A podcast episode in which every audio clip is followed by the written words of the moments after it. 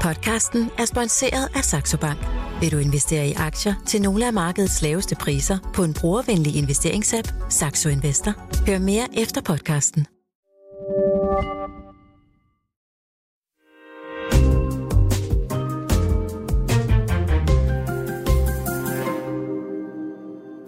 Millionærklubben fra Euroinvestor med Bodil Johanne Gansel.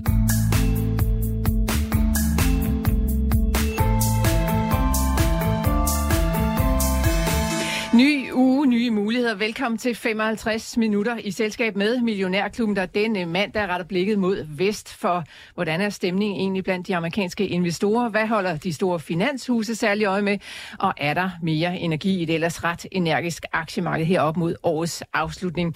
Alt det og meget mere, det har du øh, god og øh, helt aktuel føling med. Frank Øland, godmorgen og velkommen til dig. Godmorgen, Bodil. Chefstrateg i Danske Bank, og så er du altså lige kommet hjem fra New York, hvor I har haft jeres årlige investorkonference med kunder og finanshuse og nogle ret prominente økonomer på besøg. Er du ja. kommet over jetlagget? Ja, det hjælper nu. Men det kan godt tage lidt tid. Ja. Øh, Frank, når man sådan går rundt derovre i USA og på gaden og kigger på den private forbruger, som jo er altså meget vigtigt derovre, holder hånden under amerikansk økonomi.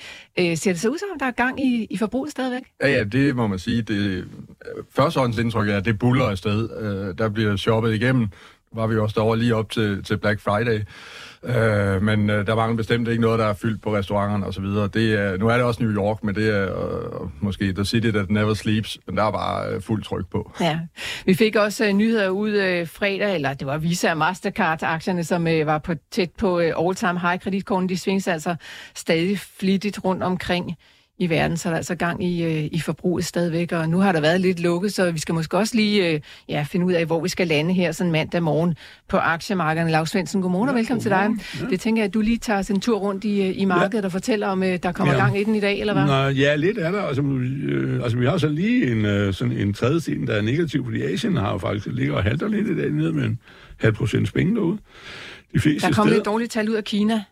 Ja, det siger du. Ja, hvad, hvad, hvad var det? Ja, indtjening i industrien går altså ned i gear i oktober, hvis vi kigger i forhold til uh, september, og på årsbasis er vi altså nede i det, der ligner et, øh, et underskud. Det går ikke for godt med kinesisk nej. økonomi. Nej, nej, og de har også nu en eller anden børne, småbørnssygdom, der begynder at brede sig. Det er jo nok lidt farligt derude, hvis der begynder at blive problemer igen, fordi så er det ligesom om, så er det jo fars system, der ikke virker.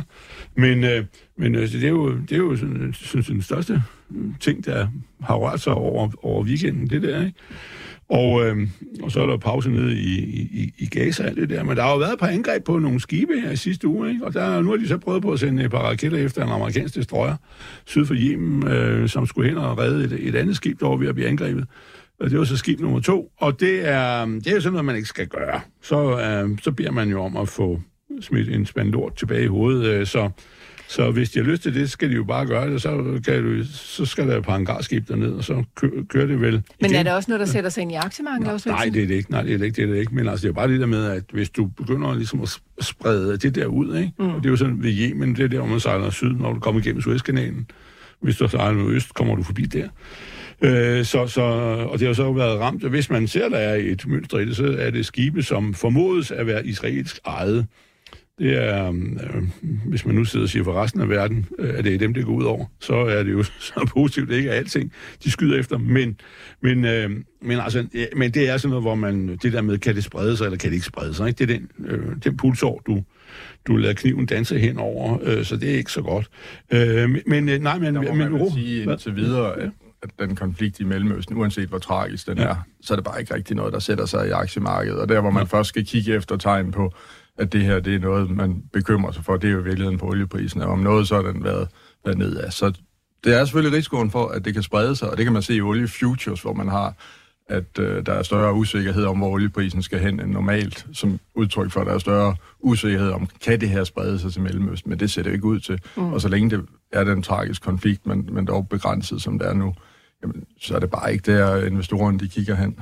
Og olieprisen, den er altså også en lille smule vine. I sidste uge, der stod jeg her tirsdag og snakkede med øh, Ole Hansen ude fra Saxo Bank, om det OPEC-møde, der skulle være i weekend, men det blev jo altså udskudt, så det er altså først, øh, jeg tror det er på torsdag, ja, at de går i gang med OPEC-møde, og det altså får måske også øh, olieprisen til at vige lidt, fordi at der sådan er usikkerhed på, om, øh, om Saudi-Arabien ligesom kan komme igennem med det, de gerne vil. Lars Svendsen, har du ja, nogen holdning til det? Ja, ja, det har jeg, men jeg bare tror, at man skal lige... Øh, øh, altså, det bliver jo fortolket, som om der er uenighed, øh, og dermed så skulle prisen give sig.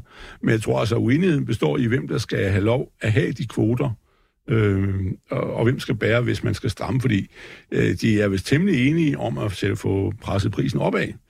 Så det, jeg tror, når man misforstår det lidt øh, den vej rundt, at øh, hvad retning prisen skal være, det er sådan nogenlunde givet fra deres side, hvis de kan. Og så er det spørgsmålet, om øh, de kan blive enige om, øh, om, om der er nogen, der skal bære mere. Og det er jo der, hvor Saudi-Arabien har taget en million tønder ekstra ud over at de har skåret dem noget ned. Ja, men tror du, de men, kan, Lars Hansen? Fordi ja, det, at det er jo bare svært for dem at holde øh, helt øh, hånden under den oliepris. Den sidste gang, da de... Ja skar, ja, der steg den jo altså i en periode, men så begynder den at syge ja, igen. Ja, ja, ja. ja, men det er jo også, det, der er jo også nogle, nogle, nogle, nogle sådan øh, spekulativ, øh, det er jo et meget spekulativt marked, oliemarked, ikke? Mm. Og det, det, det mest positive, der er sket, altså for os, hvis vi siger, vi er nettoforbrugere i Europa og, øh, og også i andre i-lande, det er jo, at øh, Venezuela er blevet taget til noget af USA, øh, og øh, skal øh, være med nu for alvor igen. Og det er jo noget, der, øh, der ligesom kan hjælpe på, men de er jo så også med i OPEC, men altså, at øh, det er jo med i, øh, øh altså der, der er der ekstra udbud, ikke? For hvis du så også piller Iran øh, væk, som EF sådan er kommet lidt ind øh, øh, igen, men øh, jo kun sælger til nogle lande, fordi øh, USA vil ikke købe, og USA-venlige lande vil heller ikke købe, så så øh, er det jo lidt et problem, men, men det handler jo om den samlede mængde, ikke? og som Drusberg sagde forleden, da vi havde den her meget fornøjelige aften, vi skal høre den, hvis ikke jeg har hørt den der, jeg var ikke med, men derfor vil jeg gerne anbefale det stort. Det der, du var de publikum? Der, ja, jeg var publikum, men mm. de der tenorer, der, der, der, der, der, der, kunne man lære lidt om, hvordan verden kommer til at gå lidt derudad. Men, men det der med, at han siger, at øh, ja, men altså, når olien først er blevet sejlet øh, rundt omkring jorden, så er den russiske olie jo blevet indisk eller et eller andet. Ja. Så det handler om den samlede mængde, ikke? Ja, og så, de uh, to podcasts... er nok en lille udflugt ned, altså regn med, at den bliver dyre. De to podcasts, som Lars Svendsen henviser til, kalder vi Millionærklubben eksklusiv, og dem kan du altså finde, ja, der hvor du plejer at finde øh, din podcast. Nå, Svendsen, en af ja. de aktier, der øh, er i toppen i dag, det er en af dine, Bavarian Nordic, stiger ja. næsten 5 procent. Ved du hvorfor? Ja, det eneste er jo, hvis man mener, at det, det der Kina... Øh, vaccine, og det er jo så lige præcis den, eller måske den vaccine, som de har opgivet at lave, ikke? altså RSV, som er RS-virus hedder det jo øh, som er respiratory eller noget andet, øh, til lungesygdom til små børn og meget ældre personer, at øh, det er jo præcis det projekt, de har opgivet og nu, nu at gøre færdigt. De havde den sådan næsten færdig, men, men øh, og så er det blevet overhældet af nogle andre. Øh, blandt andet Pfizer har en. Øh, jeg har aktier i Pfizer, skal jeg lige sige også. Men Øh, det var min gradering mod corona, øh, at, øh, at hvis, hvis det tog fat en gang til. Men altså, at, at det, må, det må være den vinkel rundt, som, som det er. Og så begynder der må være nogen, der forstår, at den her aktie er bumpet sønder sammen. dig. Nå, men det er jo en aktie, der er bumpet sønder sammen. Og, mm. og mindre man tror, at de har mistet deres øh, konkurrenceevne, fordi de ligesom lidt må opgive og, og lave ting fra nul det er jo, det er jo, det er jo lærerne af alt det her, det er, at de, de siger, sådan, ja, vi har ikke råd til at løfte de her projekter. Jeg kan se, deres corona har kostet 1,6 milliarder, og noget jo ikke at blive godkendt, så der har måske kostet, hvis de skulle gøre den færdig, måske 2 til 2,5 milliarder. Mm.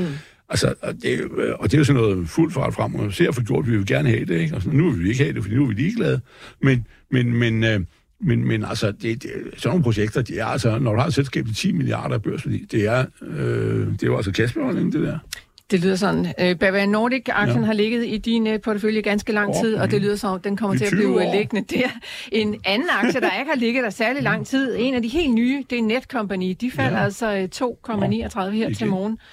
Svendsen. Jeg bliver nødt til at høre det der program af ham, Rogaszewski. Der. Ja. ja, ja. André Rogaszewski, som ja, ja, ja, var på besøg hos uh, Signe Terp i en af vores CEO-programmer. Ja.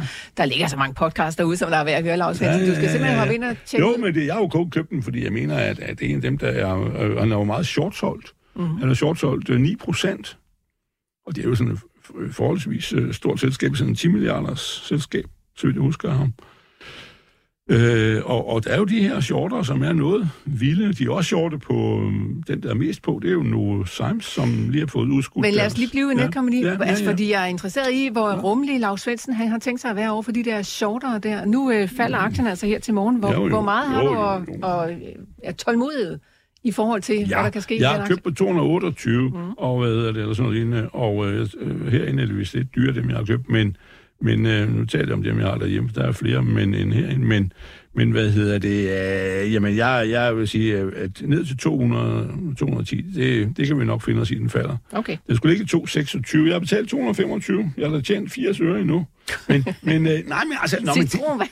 ja, men, nå, men altså, de der øh, short det, det er altså noget cirkusforestilling. Ja, det er Øh, og øh, jeg, jeg har ikke fortalt på det, men forleden der sagde Saxomanden jo blandt andet, nu skal jeg ikke stå og bare fortælle om, hvad der blev sælgt den aften, men han mente jo, at short-positionerne generelt i USA i hvert fald, var blevet nedbragt gevaldigt i øh, andet halvår, fordi øh, der har været så stor optur på aktiemarkedet, så var de ligesom blevet kørt over, så har de måttet øh, gå ud. Og der var jo en historie fremme i sidste uge om nogle af net, øh, eller de her ikke net, hvad hedder de, hedgefonde, hvor stor kurstab de skulle have haft på primært short. Og det var jo altså, var det 240 milliarder dollar eller sådan noget. Det var sådan noget, det var, øh, altså det er sådan en, hvor du bliver kørt over, så du kan mærke det. Ja, gigantiske Så, der så altså- jo, jeg holder ud nu, det tror jeg, at du skal... Øh, Godt. men sådan er livet nogle gange. Det er jo ikke Ja, altid, det er vinder, bare det. fordi, øh, at nogle af os prøver at kaste os ind i kampen. Det er godt, du kaster dig ind i kampen, Lars Hansen. Jeg Synes det er det? al ære værd. Ja. Ellers er det en dag, hvor Christine Lagarde skal tale i EU-parlamentet mm. om øh, regionens økonomiske og pengepolitiske tilstand. Der er Global Investment Summit i øh, Storbritannien. Og ellers så står, tror jeg, at vi mest en del kommer til at stå og kigge frem mod øh, de amerikanske inflationstal, som lander øh, på torsdag. Frank Øland, øh, skal vi lige hurtigt runde? Hvad tror du, der kommer til at ske på torsdag i forhold til inflationstallene fra USA? Jeg tror godt, at, øh, at vi kan få en positiv overraskelse, at inflationen kommer øh, ud lidt lavere, end, øh, end hvad vi egentlig forventer. Øh, og den underliggende inflation faktisk er noget lavere end, øh, end det, som, øh, som Fed og vi andre måske går og, og ser i øjeblikket. Mm. Og der havde vi jo, øh, hvis jeg må nævne det, i, øh, i New York, øh, Steven Schwarzman øh, fra øh, Blackstone med, CEO, og jo ham, der har stiftet det her lille øh, 100 milliarder dollar øh, under asset man- management øh, selskab.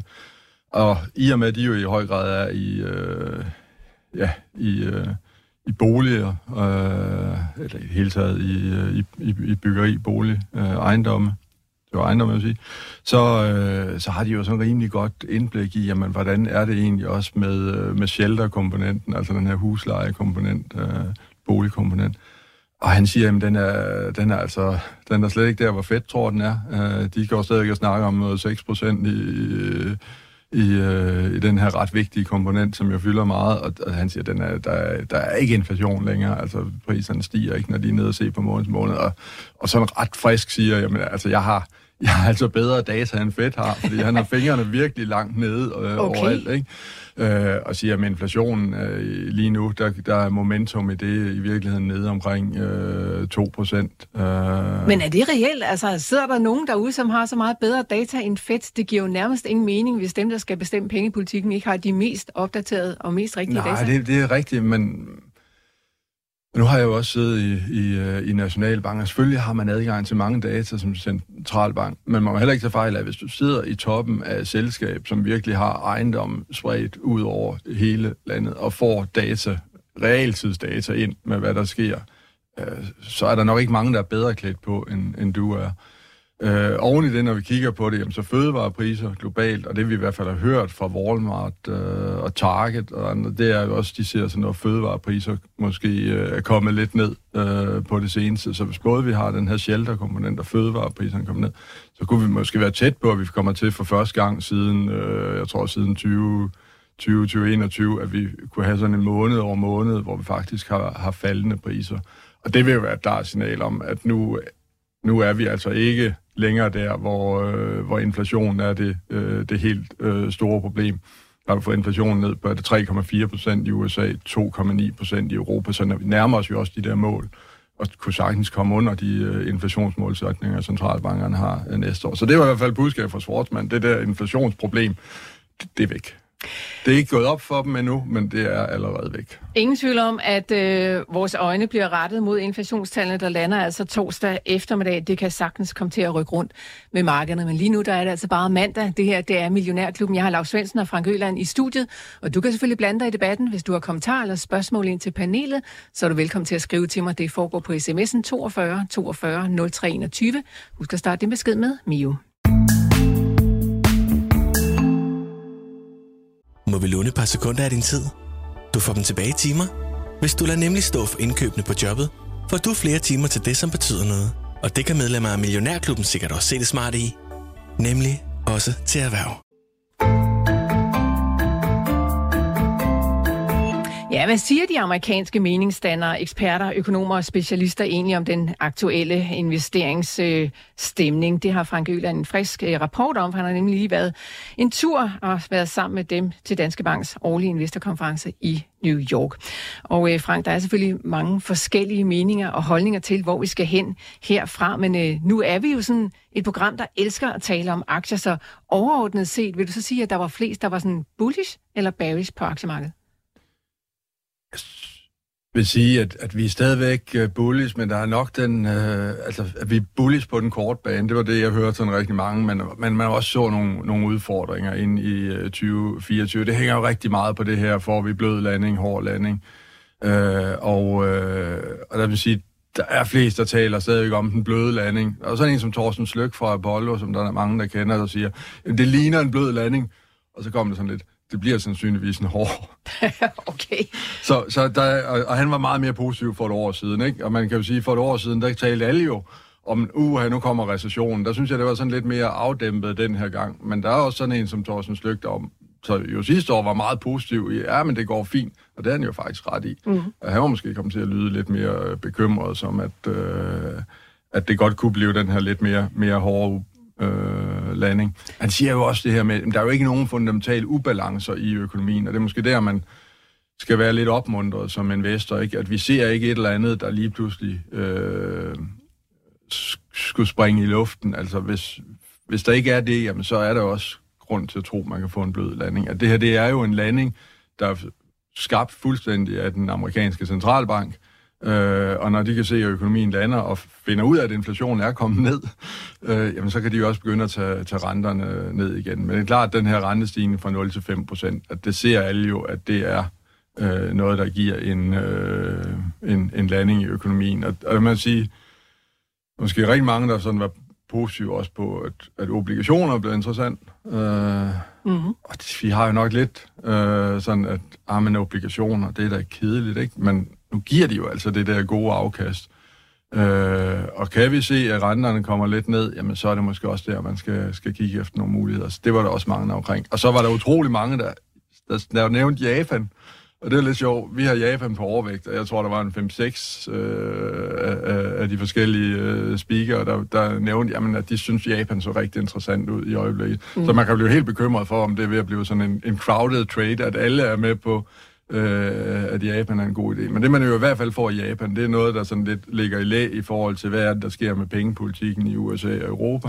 Det er en, det er en anden risiko, og, og, og, og måske noget, der, der vil passe fint ind i en portefølje. Mm. Og, og grunden til, at der er så mange, der nævner Japan, det er jo fordi, at, at yen er, er piv billig i øjeblikket. Det giver dem altså noget konkurrenceevne, og så har de også nogle reformer, som ser ud til, og det har de været i gang med i 10 år, men faktisk at, at understøtte, øh, at industrien øh, er i en, øh, i en positiv udvikling. Ja, så, det var de noget tvivlsomme, hjem, men... det var de noget tvivlsomme over for de her, jeg havde øh, på banen i øh, torsdags i vores eksklusive arrangement. Altså, de var ikke særlig hugt på Japan. Svært imod, de sagde, hold fingrene væk. Altså, der, det, der, altså den demografiske udvikling og altså, de der manglende reformer, som de ikke lige ser kommer til at, at spille ud, øh, de, var, de var simpelthen bare, ej, lad være at gå ind i Japan. Ja, det var ikke, øh, det var ikke stemningen okay. i, øh, i USA, må man sige. Mm. Der var der var faktisk mere fokus på, at der trods alt er sket en del reformer. Man skal også huske, hvor Japan kommer fra, og der er meget mere fokus i virksomhederne på, at, øh, at de jo sådan set er der for aktionærerne. Det tror jeg, hvis man går måske 20 år tilbage, så, så var virksomhederne der jo mest for at hjælpe hinanden og medarbejderne og sådan noget. Aktionærerne var sådan lidt en sekundær målgruppe, ikke? og der er, er kommet fokus på, jamen der skal altså skabes noget, øh, noget udbytte. Og så må man bare sige, at, øh, at når man har så øh, så favorabel en, øh, en valutakurs, øh, og man har fået inflation, og man har fået lidt gang i lønvæksten, som også kan stimulere økonomien, jamen så enten så får vi nok noget på noget valutastyrkelse, eller også kan vi få noget aktieafkast fra, at de her eksportvirksomheder, de klarer sig godt, når de er så, så konkurrencedygtige, som de er nu. Mm. Så jeg tænker, at vi får noget af det ene eller det andet sted. Det er klart, hvis lige pludselig centralbanken synes, at inflationen ved at stikke af og, og hæver renten meget, og valutakursen stiger kraftigt, så går det ud over aktiemarkedet. Det er bare ikke det, vi ser i, i øjeblikket. Det er nok mere, at de kunne lempe en lille smule på den der jo ekstremt lempelige pengepolitik, at de ja. kunne stramme den en lille smule. Ikke? Og så tror jeg egentlig, vi både kan få på aktiekursen og på valutakursen. Så, så hvis I har haft nogen inden, øh, der var meget skeptisk på, på Japan, så, så er her en, en, en fan, som bare er blevet bekræftet efter de den tur i, øh, i USA. Men Frank, lad mig lige vende tilbage til Thorsten Slyk, som du altså øh, ja, nævnte er fra Apollo Global Management. Han er tidligere cheføkonom i, i Deutsche Bank, og han er en af dem, der sådan udtaler sig ganske meget på de, på de udenlandske finansmedier. Øh, han siger altså, at der ikke er nogen alvorlige ubalancer, og, men hvis vi forestiller os, at der ikke sådan kommer alvorlig recession, og det bliver en blød landing, og det hele kommer til at gå stille og roligt. Kommer, kan der så også komme sådan stille og rolig rentenedsættelser? Altså, hvorfor skulle vi egentlig sætte renten ned, hvis det egentlig bare lander godt? Altså, hvad er den, hvad er den rigtige rente, vi skal være på? Ja, og, og det var jo også en af de ting, der, der, der blev trukket frem derovre, ikke? At, at markedet er jo næsten sådan priset til en perfektion. Vi forventer den der bløde landing, det er næsten priset ind med, med 100% sandsynlighed. Det kan man jo diskutere, men men, men nogle steder i markedet er det nok rigtigt nok, at, øh, at det har vi næsten priset ind. Og så samtidig har vi priset ind, at der skal komme øh, fire rentenedsættelser næste år. Og kan vi virkelig få det hele? Kan vi både få en økonomi, der lander rigtig flot, samtidig med at centralbanken så sætter renterne ned? Fordi hvis vi skal have fire rentenedsættelser eller mere, så er det jo nok, fordi landingen er blevet, øh, blevet halvhård. Øh, men der skal vi måske tilbage til Svarsmand, for hvis han har ret i, at... Øh, at øh, vi har øh, inflationen øh, nede, og den kommer ned under øh, Feds mål, så øh, kan man måske godt forestille sig sådan en situation, hvor de siger, at økonomien er stadigvæk sådan, okay, inflationen er væk, så kan vi da godt sænke renten lidt, fordi 5% er der også, øh, er der også lidt højt. Så det er ikke helt umuligt, men det er det der perfekte Goldilocks-scenarie, vi har priset ind, og man kan sige, at i forhold til det, så er det måske nemmest at se noget, øh, noget nedside øh, risiko. Mm. Og så må man sådan kigge lidt, hvor er det måske, at der alligevel også er priset noget hård landing ind. Øh, og det mener vi jo, at hvis man kigger ned i, øh, i small cap, altså de her mindre amerikanske virksomheder, altså så er, så er der priset noget mere hård landing ind der. Det er også dem, der kan få nogle klø, hvis vi får den hårde landing. Men kigger man på, på sådan en relativ prissætning mellem small cap og large cap, øh, altså de, de, øh, de store virksomheder, jamen så er relativt, så, øh, så er det nærmest historisk billede. Du skal 20 år tilbage eller sådan noget, for at, at finde, at, øh, at small cap er så billig i forhold til large cap. Og så kan man sige, jamen, øh, er det så fordi, at dem, der sidder og kigger i small cap, de priser en hård landing ind, og dem, der er i large cap, de priser en, øh, en blød landing ind. Øh, det er det jo nok ikke. Noget af det jo nok, at der er mange, der, der går efter det her med kvalitet, som vi også godt kan lide. Og det finder man især i large cap, men man kan altså også godt finde det ned i small cap, og det vil vi jo sige, man skal, man skal finde nogen, der, der kigger i small cap, og så også leder efter kvalitet. Og så det andet, som jeg tror kan spille lidt ind i forhold til den der skævvridning, at den er blevet så ekstrem i løbet af i år, det er jo også det her med, med kunstig intelligens, som vi helt klart ser som en, øh, en megatrend. Øh, men det må man jo også bare sige, at dem, der har tænkt, vi skal, vi skal købe ind i øh, kunstig intelligens, øh, der, øh, der er det jo især de helt store selskaber, altså Nvidia og andre, som man har købt ind i.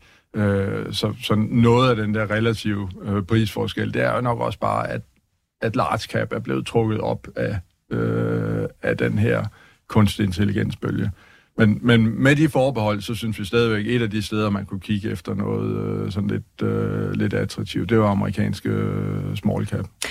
Og så ser jeg også, fordi jeg selvfølgelig læser Euroinvestor.dk, at øh, der er altså begyndt at komme en lille bitte smule mere bredde i stigningerne på aktiemarkedet. 95 procent af aktier i S&P 500, de ligger over 200 dages glidende gennemsnit, øh, og den ligevægtede udgave af S&P 500 stiger altså mere end hovedindekset her på kort øh, sigt. Så det er altså ikke uh, helt så voldsomt, som de store trækker uh, lige, lige her nu, men altså det billede kan jo hurtigt og det, og det er faktisk rigtig interessant, det der er sket her den seneste uge, mm. uh, for der har vi jo igen set aktiemarkedet stedet, og det har nemlig været sådan en bred stigning.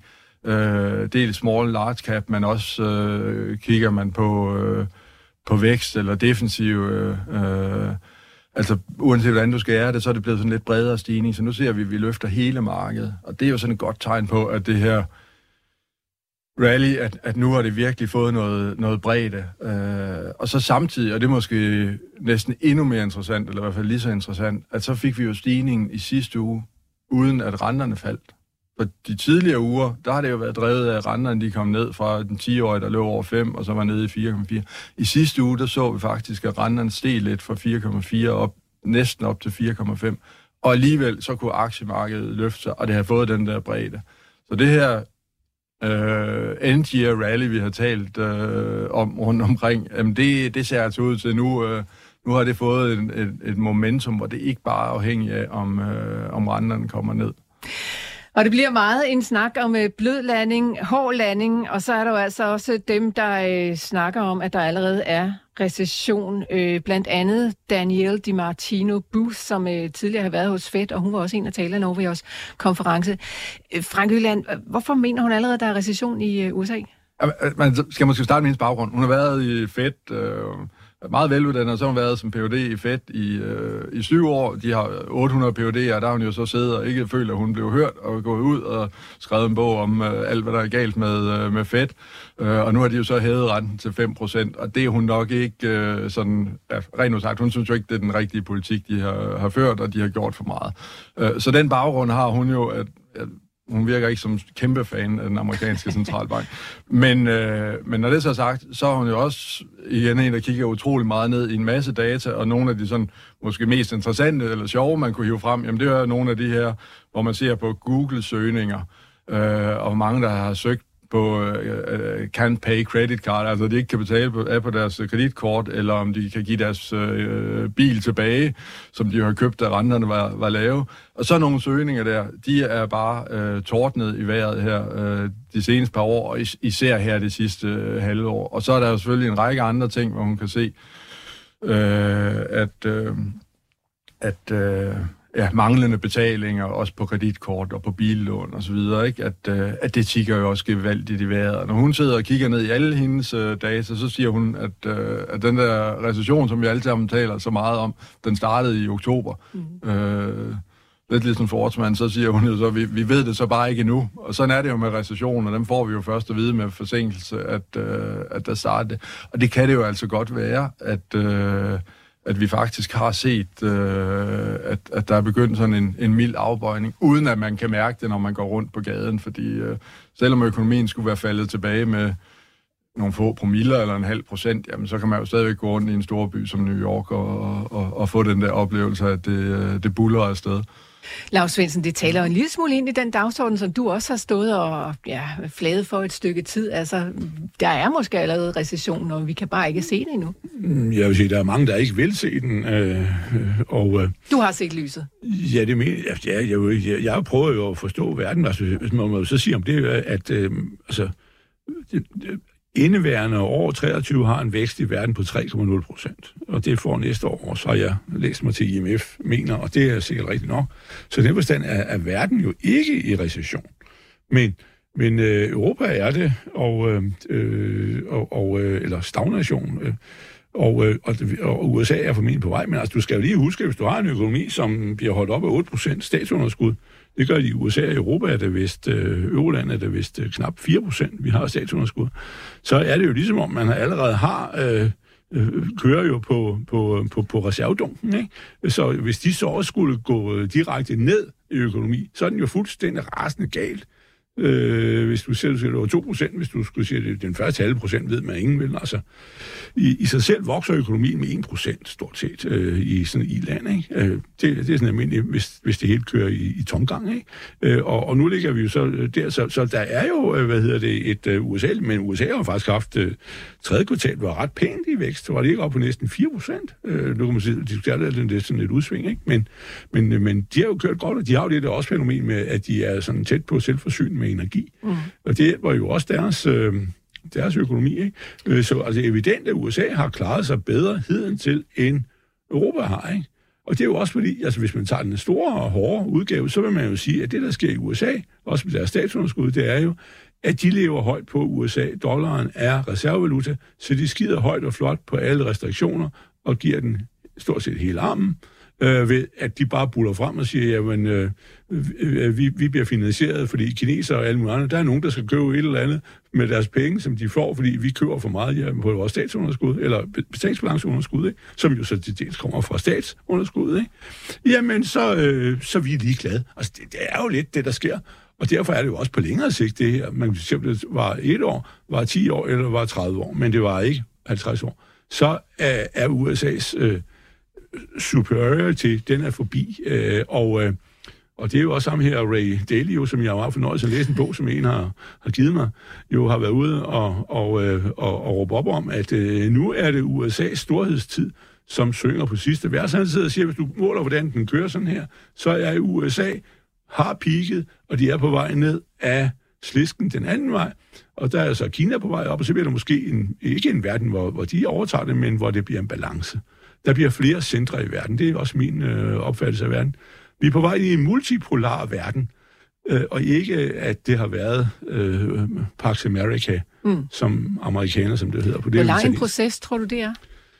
Jamen, det er en proces, der begyndte i 2. verdenskrig, ikke? Altså, der, der fandt øh, USA jo sådan set og blev den stærke, og øh, det gjorde de ikke i første, men øh, der nåede de knap at være med, men, men til gengæld sendte de jo den spanske syge over, ikke? Øh, så øh, øh, det tog 100 år at finde ud af det, men øh, at... Øh, at øh, der, kan du sige, at øh, den kommer jo mig. altså jeg vil sige, øh, maks 30 år, og, og, og det kan ske om øh, 2, 3, 4, 5 år, men det kommer måske ikke til at ske i min tid, men det er tæt på. Det er det perspektiv. Så er USA øh, på vej nedad, øh, og det, det er det, men vi har bare ikke det er ikke materialiseret sig nu. De lever højt og flot på, at øh, det er verdens øh, valutareserve, og og alle vil have dem, og øh, dollaren vil blive. Det er Fra Jylland, er det, er det tid til at skifte magtbalancer i verden? Nej, det er, det, er, det er Kina, der er på vej ned, af deres demografi er påmånd til deres boligmarked, er påmånd til deres eksportmuligheder, ikke hvad de har været. Uh, USA, det ser, det ser meget mere positivt ud. Men hvis jeg må zoome ind på tredje kvartal, så er du fuldstændig ret. En vækst på 3,9 øh, procent. Uh, så det kan man jo sige, jamen buller det ikke bare afsted. Men der skal man jo huske sådan et tredje kvartalsvækst. Uh, hvis man går ind og kigger på månederne, så er det faktisk en meget stærk vækst, der var hen over øh, sommermånederne. Øh, så noget af det stærke vækst lå helt tilbage i anden kvartal, men det er altså øh, den måde, det, det jo regnes ud på, så, så, har det, så er det den stærke vækst der i sommer, der gør, at vi kan komme op på 3,9 øh, procent. Går man ind og ser på nogle af de her bud, øh, sådan nogle nav-forecast. Atlanta Fed har sådan en BNP nav-forecast, hvor de begynder at sige noget om fjerde kvartal, og så taler vi om, væksten måske ligger på 1-2 procent. Og, og spørger man så øh, Danielle, øh, de Martine Booth der, så vil hun sige, jo jo, det kan godt være, at, at den viser 1-2 procent vækst, men det jeg kan se, det er jo, at ledigheden nu er stigende i 50 stater, og går vi tilbage i historien, hver gang ledigheden er stigende i 50 stater, det er jo i stort set alle de amerikanske stater, ikke? Øh, så kommer der en recession, eller så er der recession. Mm. Øh, så, øh, så går vi ned og ser på øh, de kortsigtede konjunkturer, øh, jamen så får vi jo en eller anden grad af landing, og så må vi så diskutere, hvor blød og, og, og hård den, øh, den bliver, og hvordan man skal prise, øh, hvordan man skal lægge sig til det. Ja. Øh, men, øh, men, men kigger vi det lange sigt, øh, som, som Laura er lidt inde på der med de tektoniske plader, så ja, måske nok en multipolar verden, mm. og Indien får en større rolle osv. Men jeg, og Europa. Jeg, og Europa er jeg ja. så lidt mere i tvivl om. øh, men, øh, men jeg er nok mere klar til at afskrive Kina, end jeg er til at afskrive USA. Øh, Di Martine Bus, øh, hun taler altså om øh, deflation til næste år og, øh, og rentenedsættelser på den øh, baggrund. Og så er der måske øh, en af de mest prominente øh, gæster, som I havde på besøg, også Harvard-professoren Kenneth Rogoff, der også har været øh, øverste chef for IMF, og har han ikke også været hos FED, eller hvad? Jo, Nå, det, det kan godt være en tur Nå. der forbi. Uh, han har jo i hvert fald været med til at skrive This Time is Different. Ja. Uh, det er jo en klassiker. Han, øh, forstår jeg, Frank Øland, var overrasket over, at recessionen var udeblevet med de her øh, meget høje renter, som vi har haft. Hvad, hvad havde overrasket ham sådan særligt? Jamen, det er jo det her med, at, at når man kan hæve renten fra 0 til 5 procent, den pokker kan det så være, at der ikke kommer en recession. Altså, for det er jo sådan lidt textbook, at så kommer der så kommer der recession. Øh, og det er også det, sådan, når han har siddet og kigget i talen, han har set. Det er han jo ikke alene om, må man øh, huske. Der er rigtig mange, der har stået og, og, og, og set øh, den der recession skulle komme. Og, og der har er forklaringerne jo primært, at amerikanerne har jo bare været bedre polstret, end man har regnet med. De her corona-opsparinger har været mere massive, end, end man har regnet med. Og så har rentevåbnet, så at sige, ikke haft den samme øh, effekt som, øh, som tidligere. Øh, Øh, simpelthen fordi under corona, der var der lige pludselig lave renter igen i USA, og de var jo begyndt at stige. Så da de lige pludselig blev midlertidigt lave på grund af en sygdom øh, eller pandemi, jamen så er det klart, så er der mange ting. Nu er det altså nu med at få låst de her renter fast, så både virksomheder og, og rigtig mange boliger, 80% af boligejerne kan sådan set indtil videre være ligeglade med de her øh, stigende renter. Og det er jo det, der gør, at, at, at gennemslaget er så langsomt. Fordi nu er vi altså så langt fra den første renteforhold, at, at vi måske burde have haft recession. Og det bliver bare glattet ud. Og så er spørgsmålet, hvis man glatter nok ud, kan man så få den bløde landing? øh, som der er jo ingen tvivl om, Fed rigtig gerne. Paul vil jo gerne ligesom folk at lykkes med at skabe sådan en, en blød landing og blive en, øh, en held på, øh, på at kunne, øh, kunne, kunne lykkes med det. Men, øh, men lad os nu se, om, om, om det glatter nok, og om de ja. er hurtige nok til at sætte, sætte renterne ned. Og Rogoff han var også inde på, at øh, håbet og bad måske til øh, lavere renter i, øh, i 25, hvor meget en amerikanske gæld skal, skal refinansieres. Og det er det, at, at især på virksomhedssiden, så er det godt, at man har, har sørget for at låse fast, men, men jo heller ikke længere, end at der er rigtig meget, der skal refinansieres. Øh, der begynder at komme noget her i 24, men især i 25 hvis vi stadig har 5% renter der, så er der altså mange virksomheder, og hele det der commercial real estate, som hvis man nu skulle pege på, nu siger Thorsten Sløg, der ikke er nogen ubalance, hvis man skulle pege et sted hen og sige, der kunne måske godt være, så er det jo det her commercial real estate, altså nogle af de mindre amerikanske banker, der har lidt meget udlån dertil. Hvis de lige pludselig kigger ind i renter på 5% i stedet for de lån, de har nu, så er der et eller andet sted, hvor filmen godt kunne komme til at, at, at knække. Ja. Men der er lang tid det, det er der altid. Svendsen, du havde en kommentar lød til? Nå, ja, der var på stykker, men, uh, men det ene, jeg vil bare spørge, hvad med, det er jo valgår til næste år i USA, ikke? Og, og, og, og øh, altså, det plejer jo altid at være sådan for, for en siddende præsident, han vil helst have, at øh, han skal fortælle om succes, og økonomien buller videre forbi, sådan så det ikke, ligesom, hvis det hele bremser op, foran hans valg, så er hans odds jo lidt dårligere. Så altså, hvor meget øh, er der sådan noget øh, mm, keep up the good humor, eller hvad sådan noget hedder på amerikansk? ja, ja, og, og det, det øh, er der givetvis meget af, fordi ja. altså, odds er jo ikke bare lidt dårligere. Hvis der kommer en recession, ja. så siger historien, ja. at så bliver man ikke genvalgt. Nej. Altså, så, øh, så er det game over. Ja. Og det er formodentlig rigtigt. Hvis der kommer en recession inden øh, 7. november næste år, så... Øh, og vi må formode, at det er Biden mod Trump. Det var i hvert fald klart forventningen derovre, at, at det er de to. Øh, jamen så, øh, så er det Trump. Og så bliver det jo spændende at se. Det bliver jo en test af det amerikanske demokrati, tænker jeg. Når der kommer sådan en uh, Trump uh, 2, mm. som jo er bedre forberedt på jobbet end den første, og, og ved, hvordan man uh, skal håndtere det her system. Så er det der, I sætter jeres øh, jeton over i Danske Bank, at I regner med, at det bliver Trump, der bliver præsident, eller er det alt, alt for tidligt at spå om den slags? Nej, nu har vi jo godt nok talt meget om, hvordan ting kan gå galt, men vores øh, hovedscenarie er jo stadigvæk, at, øh, at vi kan lykkes med den øh, bløde landing. Også lidt, fordi vi er med i det her end-year rally, og efterhånden kan vi jo kalde det et everything rally, ikke? fordi øh, alle typer af aktier stiger, og obligationer har også været godt på det seneste, så, så det kan man jo glæde sig over her i 23 ser måske lidt sværere ud i, øh, i, i 24, men indtil videre er vi på den bløde landing, og, og, og dermed også, at, øh, at Biden kan vinde, men, men i forhold til, om det bliver det ene eller andet, altså det er måske nok øh, indtil videre mere øh, at hænge lidt øh, sin hat på, på, på et håb der, for der tror jeg ikke, man skal, skal udelukke noget. Øh, og altså stemningen i forhold til det valg øh, derovre, kan man vist roligt sige, at det er, øh, øh er en ret bekymret øh, øh, Mary Liesen, som... Øh, blandt andet er på Fox News, og, men også på, nogle af de andre kanaler, og taler om, øh, om, om det her valg. Jamen, hun siger jo sådan lidt, altså, den eneste, som Trump kan slå, det, det er Biden. Øh, hvis de kunne finde en eller anden kandidat, så ville han formodentlig ikke have en, en, Ej, en chance. Og, og, og sådan set den anden vej rundt, den der gamle mand, ikke? Øh, Biden, den ene, han har, eneste, han har en chance for at slå, det er også Trump, fordi hvis de finder en anden, så, øh, så, så har han ingen chance. De, de er simpelthen... Øh, øh, ja, men for each other, altså at de to, de skal... De for det skal er da også utroligt, at de ikke kan finde nogle øh, bedre kandidater ja, og, derovre. Men, og der er vurderingen, at, at, at nu, er det, nu er det for sent at, at finde nogle andre, så det bliver, det bliver desværre de, øh, de to ældre, ældre herrer.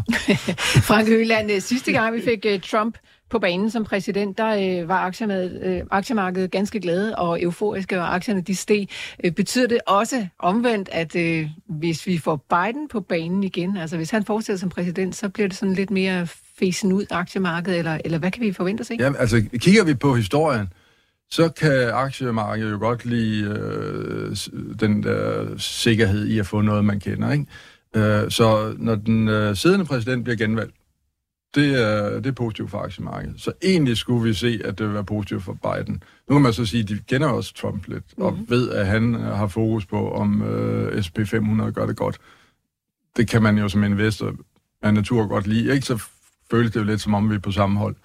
Øh, og så er der øh, det andet, som også måske, hvis man sådan skal kigge i historien, kunne tælle lidt med, det er, at at øh, aktiemarkedet har en præference for en rep- republikaner. Altså mere positivt, det bliver en republikaner end en demokrat. Så jeg tror egentlig godt, vi kunne se, at aktiemarkedet øh, steg på, øh, at, øh, at det blev Trump. Og så skal man jo så dykke ned i, at der er jo nogle dele af aktiemarkedet, der vil stige, og andre, der vil, vil falde. Altså nu taler vi om, som om, at det bare er én klump, men det er klart, at kigger vi ind i, altså lad os sige sådan noget som energi, øh, sådan en, en lille fodnote i øvrigt, når man så kigger ud over New York for at finde de der solceller på tagene, ikke, så kigger man forgæves. Det lykkes aldrig at finde nogen.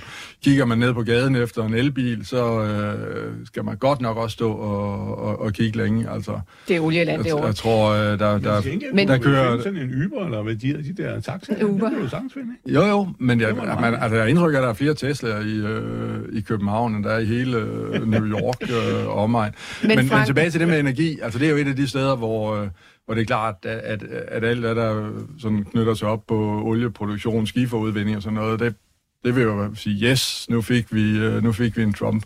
Og så den alternative energi øh, vil jo nok øh, der vil vi nok se nogle aktier, der tager noget af dyk, hvis, øh, hvis Trump kommer til. Øh, der er det selvfølgelig en, en Biden. Men, Men Frank, lad mig prøve ja. at tillade mig at blive på de brede indekser. Det er selvfølgelig unfair, som du siger, for der er mange forskellige aktier, og de bevæger sig i, ja, i hver og det er der, det bliver men, interessant, men man det lyder kan jo også sådan... gå ned og spille lidt på, at der virkelig er noget, der kan komme til at køre op og ned på ja, det valg. Men det lyder bare alligevel lidt sådan, hvis Trump bliver præsident, så stiger aktiemarkedet. Hvis Biden bliver siddende, så stiger aktiemarkedet. Altså, der, vi kan vel ikke vinde alle gange?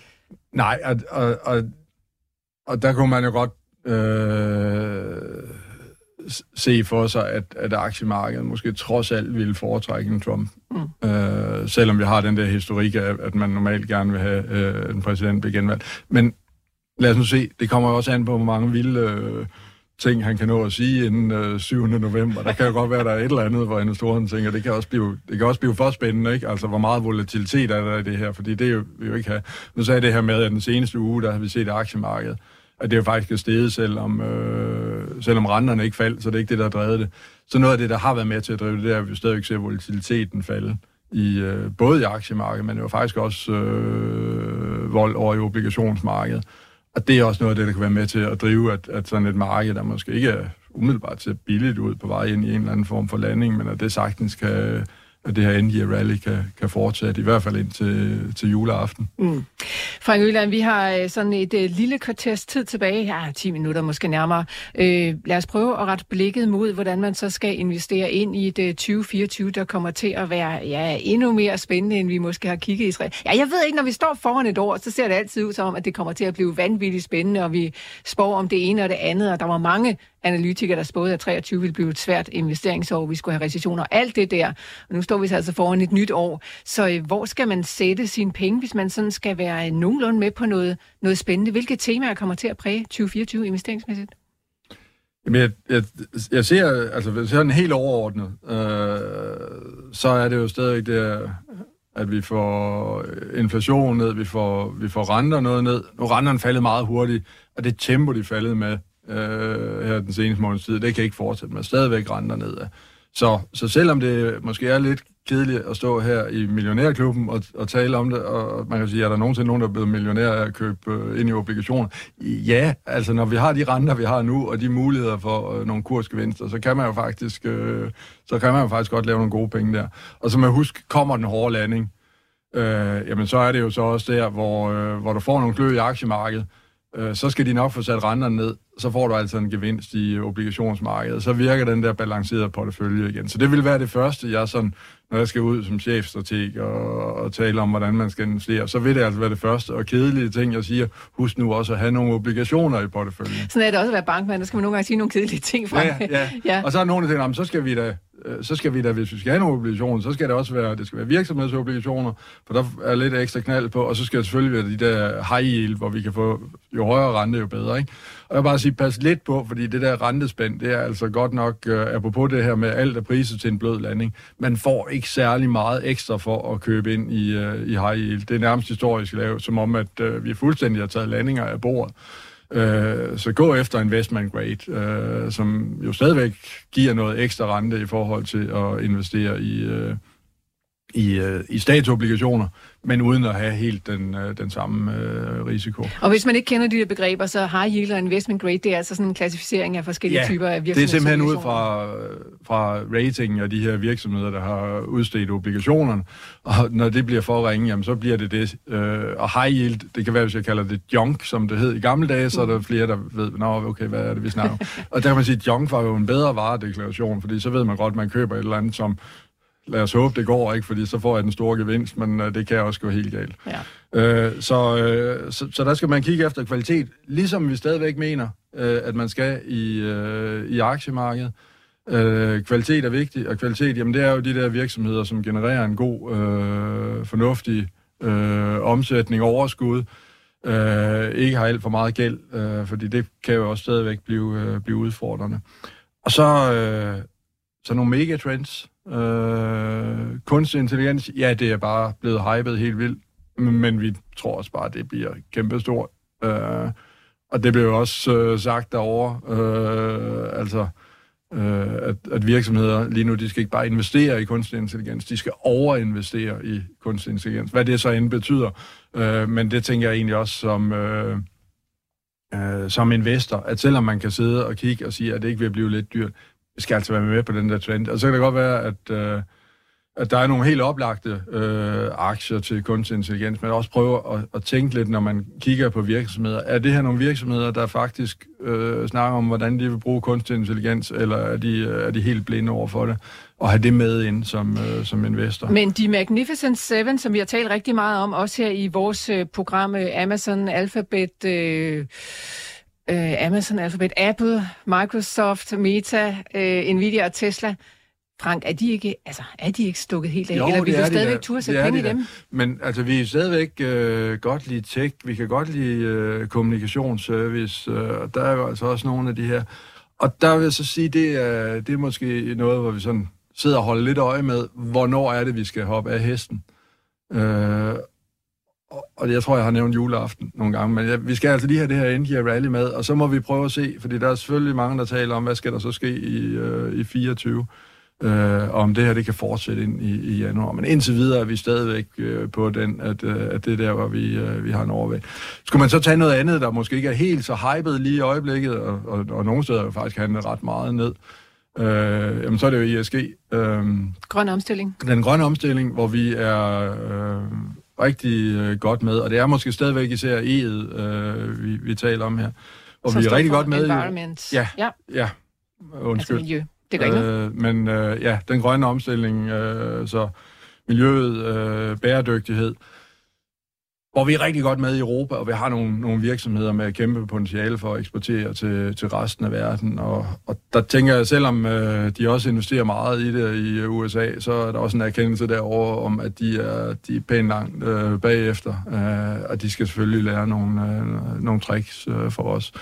Øh, men ligesom kunstig intelligens bliver noget, der kommer til at forandre vores verden over de næste par årtier, øh, mm. måske hurtigere end det øh, så kommer vi nok heller ikke øh, helt udenom, at, øh, at det bliver det samme med den, øh, den grønne omstilling. Øh, klimaforandring, grøn omstilling, på den ene eller den anden måde, så kommer det til at, forandre vores, øh, vores hverdag. Forhåbentlig bare ved, at vi gør tingene på en lidt øh, smartere måde. Mm.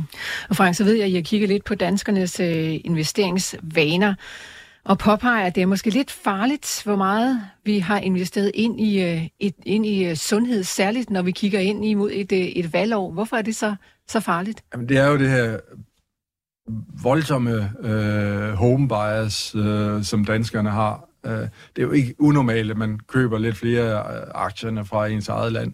Vi tager, at vi er så lille et land, som Danmark er, så er det ret vildt, at når vi kigger ned i øh, kundernes depoter, så er 60 procent af aktierne faktisk lidt mere. Det er, det er danske aktier. Så man har valgt et ret lille univers at manøvrere rundt i. Og ikke så overraskende måske, når man er så meget i danske aktier, jamen så er man jo massivt overvægtet i sundhedsaktier, øh, og man er i et eller andet omfang gået glip af hele den her optur i tech øh, Øh, AI, fordi det er der jo sjovt nok ikke så meget af i, øh, i det danske øh, aktieindeks. Så så siger, at det er jo så fint nok, fordi sundhed har jo også været en, en, øh, en god rejse, og rigtig mange, der har været på en, en, en god rejse med, øh, med Novo Nordisk. Nu går vi ind i et, øh, et, øh, et valgår, og der skal man bare være, være opmærksom på, at det kan altså give noget ekstra øh, usikkerhed i, øh, i den sektor, fordi det er jo et af temaerne i USA, som er et øh, enormt vigtigt marked, at medicinen er øh, alt for dyr derovre, øh, og man tænker, øh, kan tvinge nogle af de her medicinalgiganter til at, at sætte øh, priserne ned. Det kan godt være, at det ikke bliver så meget, men der kan i hvert fald komme de her politiske diskussioner om det, og det kan jo godt være noget, der kan give noget nervøsitet, og noget, der kan komme til at påvirke aktiekurs. Så det gør, at der er sådan en, en ekstra grund til lige at overveje, om, øh, om man skal have øh, så meget i, i sundhed. Og så er man så helt, uanset det, sige, altså det er jo sådan det, den vi ligesom kan bruge til at tale om, øh, skal vi virkelig have så stor en overvægt i danske aktier? Skal vi virkelig have så stor en overvægt i, i sundhed? For der kan jo også komme andre ting, som, øh, som påvirker.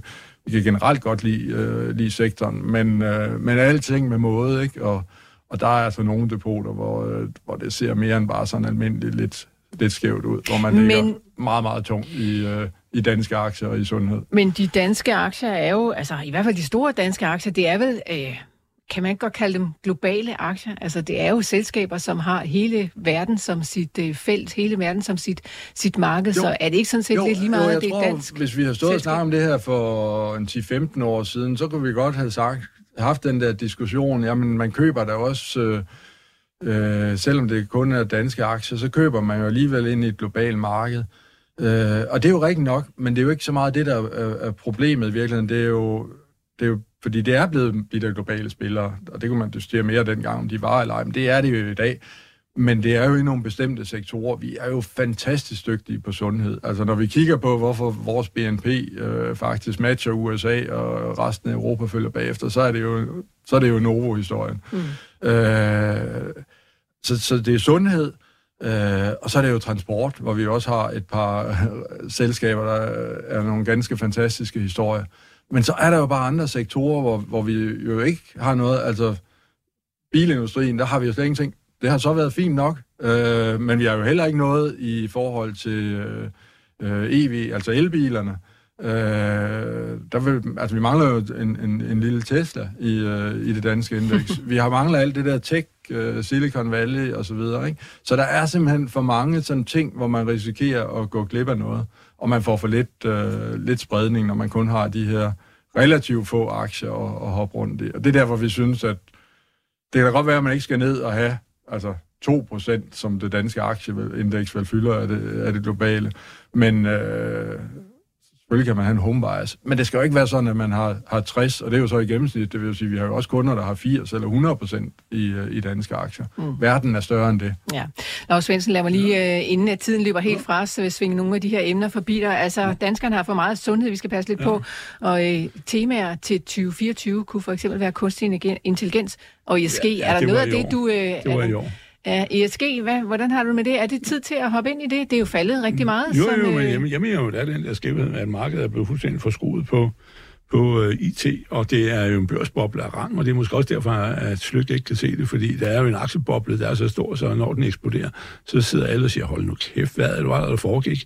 Uh, altså, det eneste, der skal til for at vælte verden, det er en amerikansk børskrak. Det er sådan set det eneste, og det behøver kun ramme øh, 20 selskaber, eller 15, måske kun 8, så er, er det øh, bald forbi.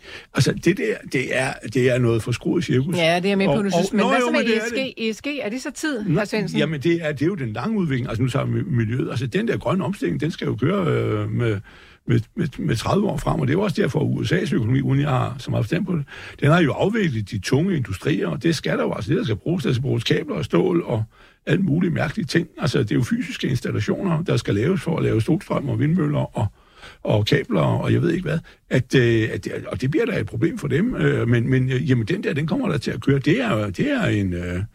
Det er en, det er en, det er en 30 år, 25 år, 30 år, måske mere. Det er en ting, ja, hvor man sådan siger, men så skal vi, det skal være elbiler og batterier. Men det er jo ja, faktisk også sådan noget som, øh, som minedrift, der kan være relevant. Det er måske noget, der forurener i sig selv, men det er jo en nødvendighed for at kunne lave den grønne omstilling. Vi får fat i alle de Øh, det må man sige. Ja.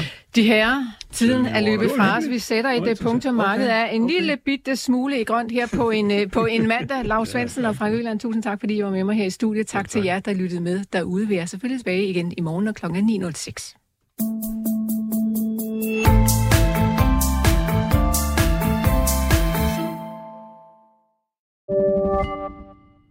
Podcasten er sponsoreret af Saxo Bank. Vi skyder året i gang med nye lave priser, så du kan investere til nogle af markedets laveste priser og beholde flere penge til dig selv. Mindre til banken, mere til dig. Saxo. Stedet penge helst vil være. Læs mere på saxobank.dk og opret en gratis investeringskonto allerede i dag.